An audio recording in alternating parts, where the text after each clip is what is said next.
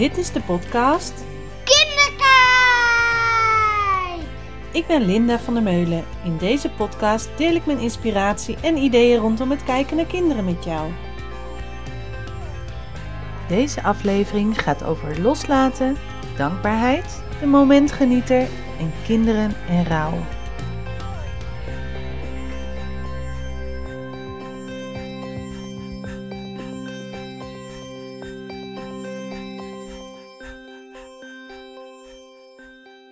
Het moment dat ik dit opneem is het eh, heel vroeg in de ochtend. Het is zelfs nog donker buiten. En het is herfstvakantie. Isa is uit logeren. Dat betekent dat ik voordat ik zo aan het werk ga deze podcast opneem. En dat voelt zo luxe. Normaal als we naar school moeten, en vooral als ik naar het werk moet, dan is onze ochtend nou, een beetje hectisch. En uh, ik probeer altijd wel de rust te bewaken, maar dat lukt niet altijd. Want Isa heeft ochtends uh, vaak heel veel plannen en ideeën. En nu heb ik gewoon de luxe om in de ochtend, voordat ik aan het werk ga, deze podcast op te nemen. En terwijl ik me zat klaar te maken om dit te gaan doen, bedacht ik me eigenlijk hoe dankbaar ik ben. Um, afgelopen weekend hebben we een hele mooie herfstwandeling gemaakt. Ik vind het altijd heel wonderlijk als dat bos verandert tijdens de herfst. In al die kleuren bladeren, de paddenstoelen die je overal ziet. Dan ben ik zelf ook totaal verwonderd. Um, mijn vorige podcast ging natuurlijk over verwondering. Daar daardoor kwam ik daar ook op. En ik ben heel benieuwd wat die podcast jou gebracht heeft. Nou, de afgelopen week kreeg ik ook heel veel regenbogen opgestuurd, want het was een beetje wisselvallig weer. En er zijn mensen die een regenboog zien en dan heel snel aan mij denken en mij dan een berichtje sturen met een foto van de regenboog. En daar heb ik er afgelopen week zoveel van gehad. Zo bijzonder wat een regenboog nu brengt. Dat die regenboog verwondering oplevert en dat mensen dan aan mij denken. Daar voel ik me zo dankbaar. Dank jullie wel voor het opsturen van al die mooie regenbogen. Want dat zijn voor mij ook momentjes dat ik eventjes dankbaar ben en me verwonder over hoeveel mensen regenbogen zien en dan ook verwonderd zijn. Wil je weten wat een regenboog nog meer kan betekenen? Luister dan vooral aflevering 2 van deze podcast. Daarin vertel ik wat een regenboog allemaal voor betekenis kan hebben. Maar even terug naar het bos. Um, ik liep van de week in het bos en dan zie je al die bladeren van de bomen vallen en de paddenstoelen die hun sporen laten vallen. En toen kwam de opmerking of de quote in me op: Herfst laat zien hoe mooi loslaten kan zijn. En ik had toen ik met de vorige podcast bezig was al een heel onderwerp in mijn hoofd.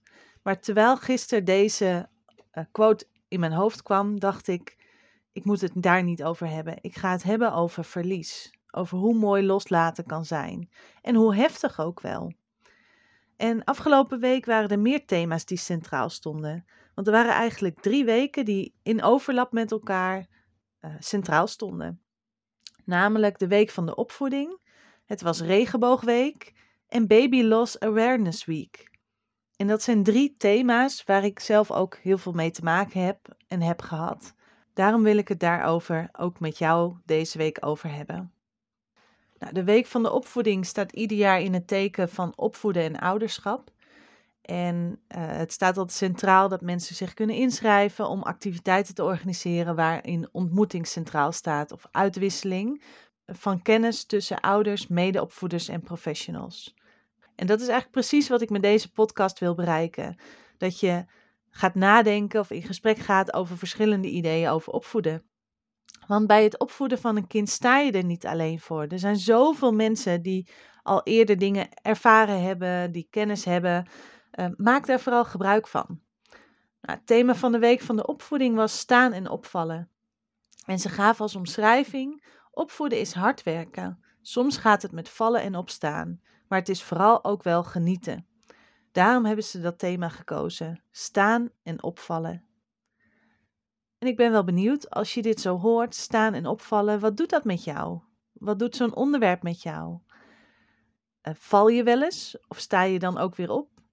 En hoe is opvallen voor jou, letterlijk en figuurlijk? Ik ben daar wel heel nieuwsgierig naar hoe je hierover denkt. Nou, zoals ik al vertelde, was het ook Regenboogweek. En bij de Regenboogweek gaat het erover het stimuleren van een inclusieve samenleving waarin iedereen geaccepteerd en gerespecteerd wordt. En dat vind ik een hele mooie, mooi initiatief. En vooral al die regenboogvlaggen die, die ik overal zie hangen en de respectvol omgaan met elkaar, dat ondersteun ik helemaal. Nou, daarnaast was het ook nog Baby Loss Awareness Week. Dat is elk jaar van 9 tot 15 oktober. Dat is een internationale week waarin aandacht wordt gevraagd voor babysterfte. En in die week herdenken ouders, familieleden, vrienden allemaal dat korte bestaan van al die baby's die zo intens gemist worden. Het is een week voor bewustwording, maar ook openlijk kunnen bespreken over het onderwerp. De bewustwording hoe kwetsbaar het leven kan zijn en hoe heftig het is om een kindje te verliezen. Maar ook het openlijk mogen spreken, want er heerst nog heel veel een taboe over dit onderwerp. En voor ouders is vooral dat stukje erkenning en herkenning heel belangrijk. Want dat kan echt steun geven in de verwerking. De week wordt afgesloten op 15 oktober. Dan is er om 7 uur s avonds brandt iedereen een kaarsje. En zo ontstaat er een golf van lichtjes voor alle baby's die zo gemist worden. Een supermooie week om even bij stil te staan en dankbaar te zijn. En eigenlijk bracht dit thema me op het onderwerp rouw. Omdat het zo belangrijk is om kinderen te leren omgaan met dood en rouw. En omdat het bij ons thuis de normaalste zaak van de wereld is om het daar met elkaar over te hebben. Door de verschillende dingen die we hebben meegemaakt, wil ik dat heel graag met jullie delen, die inzichten. Zoals ik in de eerste podcast vertelde, waarin ik mezelf voorstelde, hebben wij zelf ook te maken gehad met het uh, verlies. Naast het verlies van Aniek, die in mijn buik is overleden, hebben we nog verschillende andere familieleden verloren. En daardoor heb ik wel geleerd om te genieten van hele kleine momenten.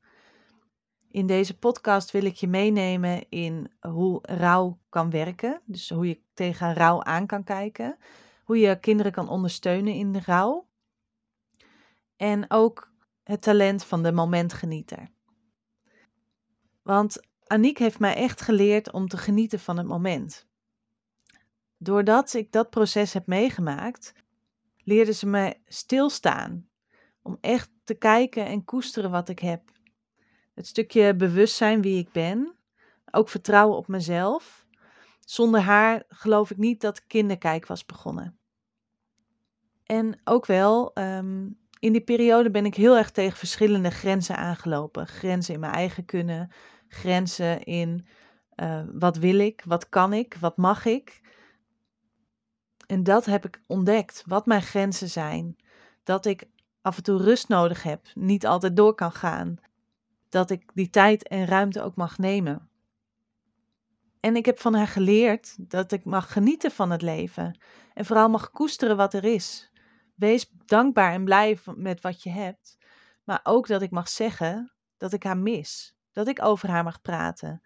En hoe er ook soms een taboe op is. En vooral uh, mensen die vragen: uh, hoeveel weken was je dan zwanger? Hoeveel kinderen heb je? Zulke vragen zijn zo confronterend en zo goed bedoeld.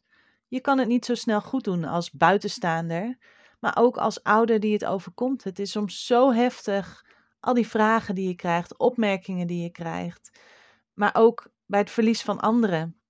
Stel je voor dat je uh, partner overlijdt of dat je oma of een beppe bij ons in Friesland, waar je een hele goede band mee had, die overlijdt en die je mist dan ga je hele processen door van verwerking. Nou, daar wil ik met jullie bij stilstaan. Want namelijk, als je kinderen wil leren omgaan met verlies, is het belangrijk om de alledaagse dag daarvoor te gebruiken. Dus als je in het bos loopt en een dood beestje tegenkomt, praat erover. Wat betekent dat eigenlijk volgens jou doodgaan? Wat betekent dat volgens je kind? En ook bijvoorbeeld een huisdier wat overlijdt is een hele mooie manier, hoe heftig ook, om kinderen leren omgaan met verlies. Te leren omgaan met de dood. Hoe werkt dat als je dood bent? Wat gebeurt er dan met je? Wat gebeurt er met je lijf? Wat zou er kunnen gebeuren met je, met je ja, ziel, je gedachten? En al die ideeën zijn natuurlijk heel afhankelijk van hoe je zelf bent opgevoed, hoe je eigen ideeën zijn. Maar deze momenten deze ervaringen leren kinderen wel hoe doodgaan werkt. en hoe je daarmee om kan gaan. Dus wat mijn tip is, vooral die ik mee wil geven, praat over leven en over dood, zodat kinderen al van jongs af aan leren dat het bij het leven hoort. Het enige waar wij zeker van zijn in het leven is dat we ooit een keer doodgaan. Maar hoe dat dood er nou precies uitziet en wat er dan komt, daar hebben we geen idee van. We hebben, kunnen heel veel gissen, we hebben er heel veel ideeën over. Ook afhankelijk eh, van ben je gelovig of niet, hoe ben je opgevoed. Maar praat erover met elkaar. En het is natuurlijk van de leeftijd afhankelijk. Je praat er met een baby heel anders over dan met een puber of met een schoolkind van een jaar of zes, zeven, acht. En er zijn natuurlijk heel veel tips van boeken bijvoorbeeld te vinden om er over te hebben met kinderen. Dus daarom ga ik hierin geen boekentips noemen, omdat het zo afhankelijk is van de leeftijd waarin je kind zit. Maar ik wil wel een tip meegeven, dat is het boek Kinderen helpen bij verlies van Manu Kiersje. En dat is een heel mooi boek. De subtitel is ook een boek voor al wie van kinderen houdt. Omdat in dat boek wordt stilgestaan bij kinderen ondersteunen bij verlies, in de grootste zin van het woord. Dus dat kan ook verlies zijn bij echtscheiding. Of echt het letterlijk verlies van een broertje, zusje, huisdier, opa, oma, vader, moeder. Die worden allemaal behandeld in dat boek. Dus mocht je ermee te maken krijgen, ja, gebruik dat boek. Nou, de belangrijkste tips die ik mee wil geven is: uh, houd je eigen verdriet niet verborgen. Dus praat erover. Maar geef ook aan het kind aan dat het niet voor jou hoeft te zorgen. Praat erover hoe het voor jou voelt dat jij degene mist die overleden is. En ook je gevoelens, want kinderen die voelen dat er iets aan de hand is. En vooral ook jonge kinderen, ook baby's, als jij verdrietig bent, benoem dat dan. Ik ben verdrietig omdat ik opa zo mis. Want kinderen voelen het en die gaan er anders hun eigen stempels uh, aandrukken of dingen aanhangen. Dan denken ze dat jij verdrietig bent omdat zij iets gedaan hebben. Maak het vooral niet te zwaar. Benoem het, maar geef ook aan je kind aan dat het niet voor jou hoeft te zorgen. Vooral iets oudere kinderen hebben heel snel wel die neiging. Oh, mama is verdrietig, ik moet lief voor mama zijn. Of uh, papa heeft verdriet. Ik mag mijn verdriet niet laten zien, want ik moet er voor papa zijn. Die heeft het al zo zwaar. En dat zullen kinderen misschien niet zo snel uiten, maar ze zullen wel het laten zien in hun gedrag. Dus geef aan dat je kind niet voor jou hoeft te zorgen, maar praat wel over wat het met je doet. Maak het vooral niet te zwaar. Praat er gewoon over. En dat klinkt nu natuurlijk heel makkelijk nu ik dat zo zeg, maar als je gewoon benoemt wat jouw gevoel is en wat het met je doet, dat geeft al heel veel lucht. Kinderen komen ook vaak met de gekste, mooiste, prachtigste vragen. Beantwoord die vragen. Maar beantwoord ze passend bij de leeftijd. En als een kind doorvraagt, blijf je doorgaan met beantwoorden. Want kinderen stellen geen vragen uh, waarop ze het antwoord nog niet aankunnen. Maar het antwoord kan soms wel anders bij een kind binnenkomen dan je denkt. Wees vooral heel eerlijk, heel duidelijk en concreet. Als een kind vraagt: hoe werkt dat dan met doodgaan? Geef een antwoord waarop jij denkt hoe dat volgens jou werkt. Maar geef dat ook aan. Volgens mij werkt het zus en zo. En ook als je zelf het antwoord niet eet. Isa stelt wel honderdduizend vragen per dag. En ook wel over uh, Aniek, over opa die overleden is, over mijn Beppe of een oom van mij die overleden is. Maar hoe is dat dan gegaan en waarom is die dan dood en hoe kon dat dan?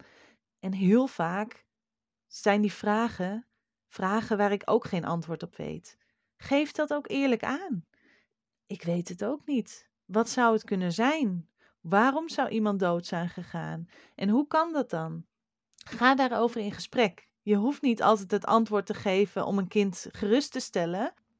Geef vooral ruimte aan het kind en accepteer ook de manier van het kind.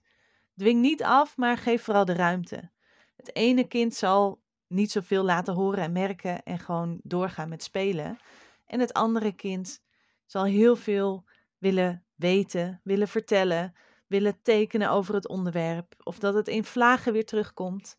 Geef daar de ruimte voor en accepteer de manier van je kind. Net zoals wij volwassenen onze eigen manier daarin hebben. Kinderen hebben vaak ook behoefte aan een eigen manier van afscheid nemen.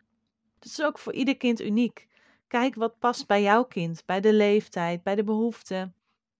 En uh, wat er wel een hele mooie tip is, is een herinneringsboek maken. Dus over of voor de overledene. Met foto's, met herinneringen, dingen die je graag samen deed. En er zijn standaardboeken voor.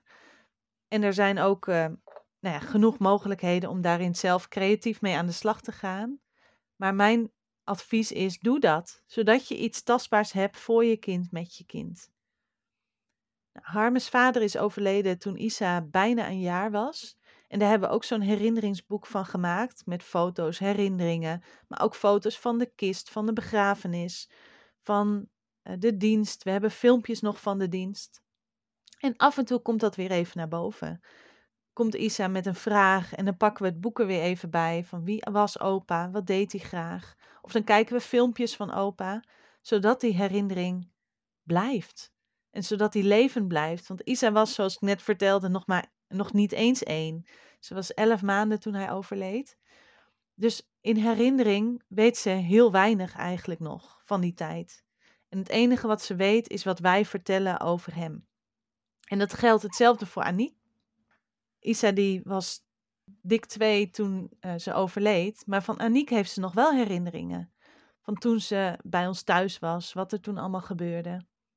En dat komt ook omdat we die herinneringen levend houden. Nou, ik vertelde net al even over die boekentip van Manu Kierse. En Manu Kierse is een uh, rouwdeskundige. Die heeft verschillende boeken geschreven over rouw. En hij geeft aan dat rouw niet echt iets is wat je kan verwerken, maar meer iets wat je moet zien te overleven. Als je ervan uitgaat dat rouw verwerkt kan worden, dus over rouwverwerking, dat zou betekenen dat je het verlies op een gegeven moment achter je kan laten. Dat het op een dag voorbij is. Maar volgens Manu Kierse is rouw nooit voorbij, maar draag je het als een soort van schaduw met je mee. Hij noemt verschillende fases in het rouwproces, noemt hij rouwtaken, omdat het volgens hem echt rouwarbeid is. Dus dat je hard moet werken om met verlies te leren omgaan. Dat het iets is waar je actief mee aan de slag kan, maar soms ook even kan laten liggen, omdat het leven ook gewoon doorgaat. Nou, hij noemt uh, vier rouwtaken. En de eerste rouwtaak is het onder ogen zien van wat er gebeurd is het onder ogen zien, het is niet anders. Het is zoals het is. Nou, de tweede rouwtaak is het ervaren van pijn en verlies. En dit kan fysiek zijn, dit kan psychisch zijn. En het gaat er eigenlijk om dat je verdriet en pijn hebt om wat er gebeurd is.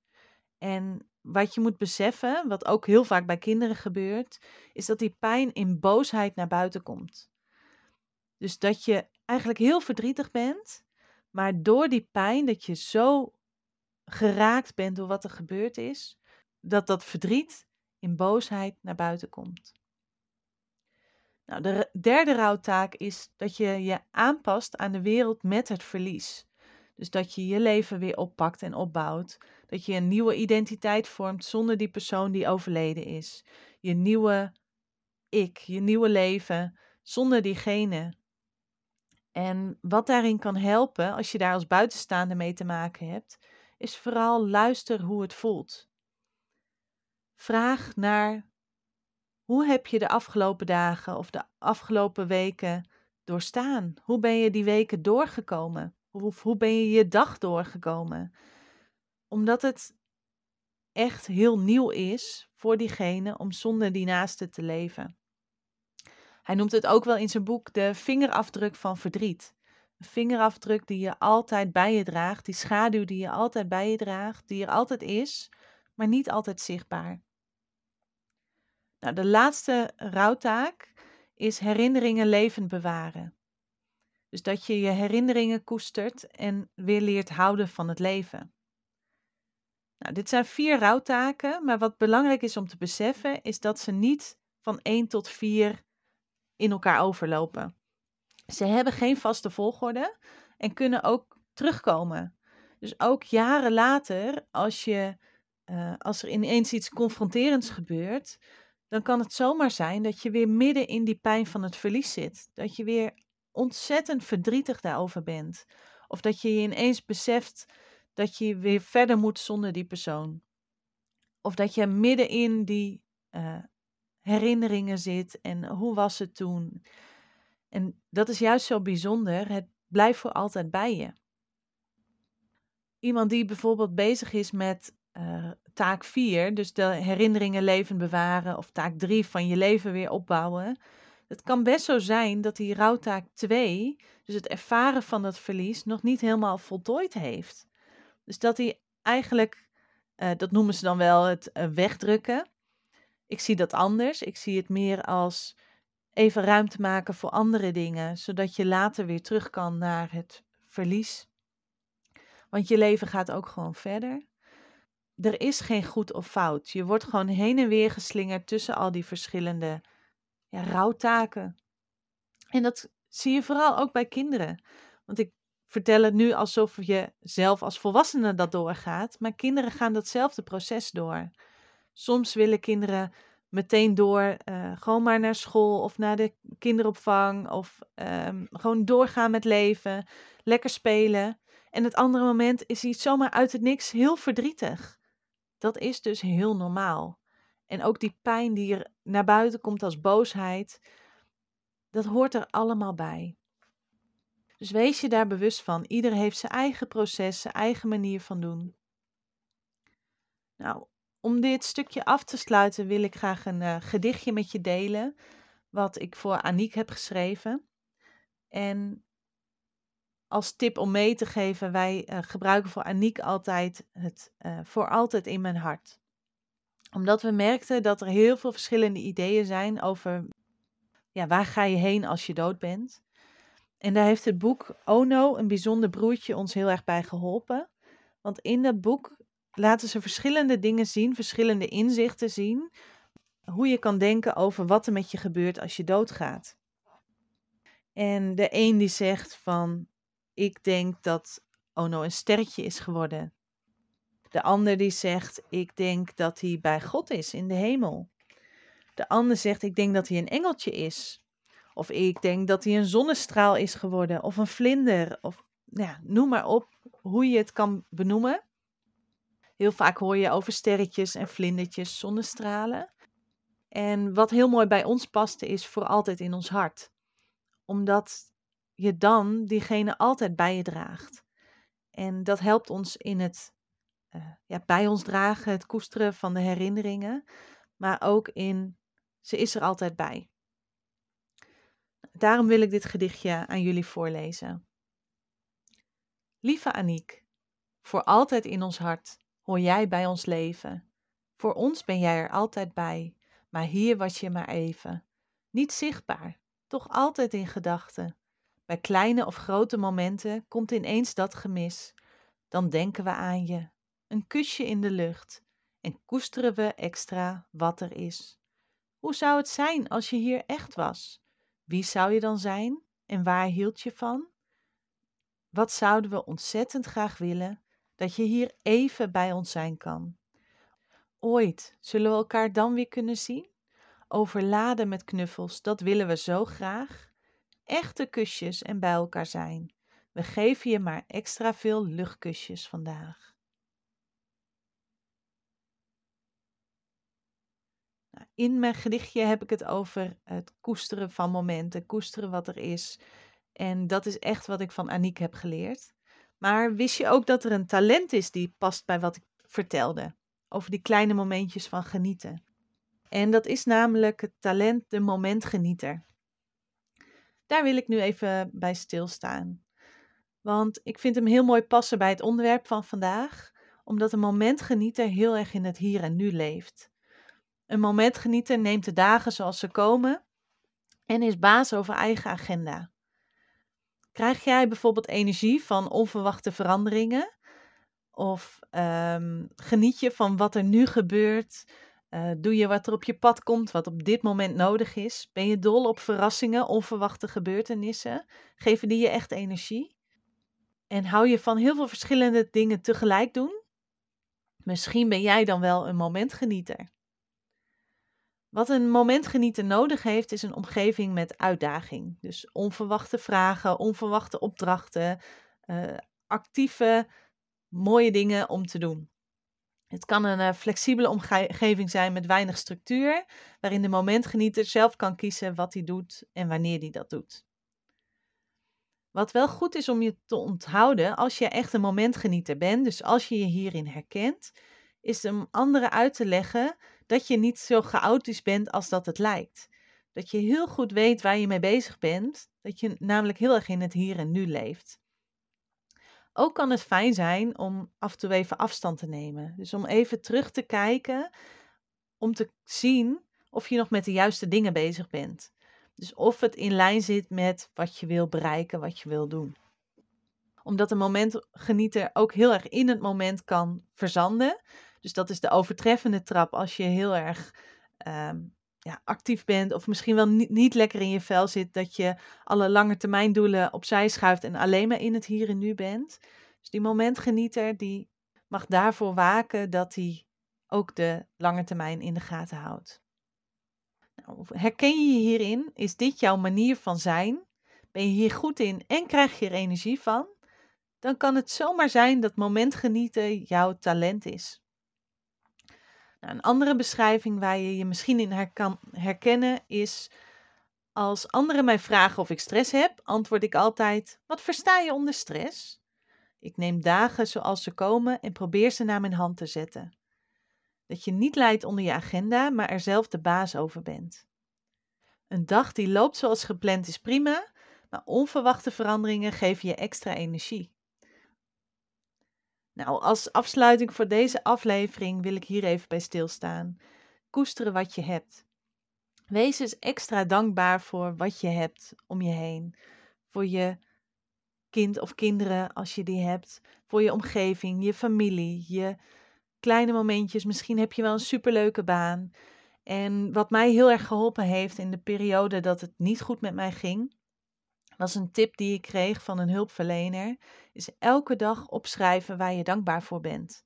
En al is het één klein dingetje waar je die dag dankbaar voor bent, en de andere dag zijn er misschien wel tien, maar schrijf het op, zodat je ook terug kan kijken hoeveel dingen heb je om dankbaar voor te zijn. En als schrijf je het niet op, maar voordat je in slaap valt s'avonds, bedenk je het even, je dankbaarheidsmomentjes. Dit kan heel erg helpend zijn in lekker in je vel zitten. Nou, dat is de tip die ik voor deze keer mee wil geven. Ga daarmee aan de slag. En ik hoop dat deze podcast je wat inzichten heeft gegeven in hoe dat werkt met rouw, met verlies, kinderen leren omgaan met verlies. En dat je hier uh, iets aan hebt. En dan wens ik je voor nu een hele fijne dag. En ik hoop dat je dankbaar kan zijn voor de dingen die je om je heen hebt, de kleine dingetjes, de grote dingen. En vooral ook koester wat je hebt. Bedankt voor het luisteren van deze podcast. Wil je geen aflevering missen? Abonneer je op deze podcast. Heb je vragen of ideeën voor een volgende keer? Laat het mij weten via www.kinderkijk.com of Kinderkijk op Facebook of Instagram. Denk je dat deze podcast interessant is voor anderen? Laat een review achter of deel hem. Doeg!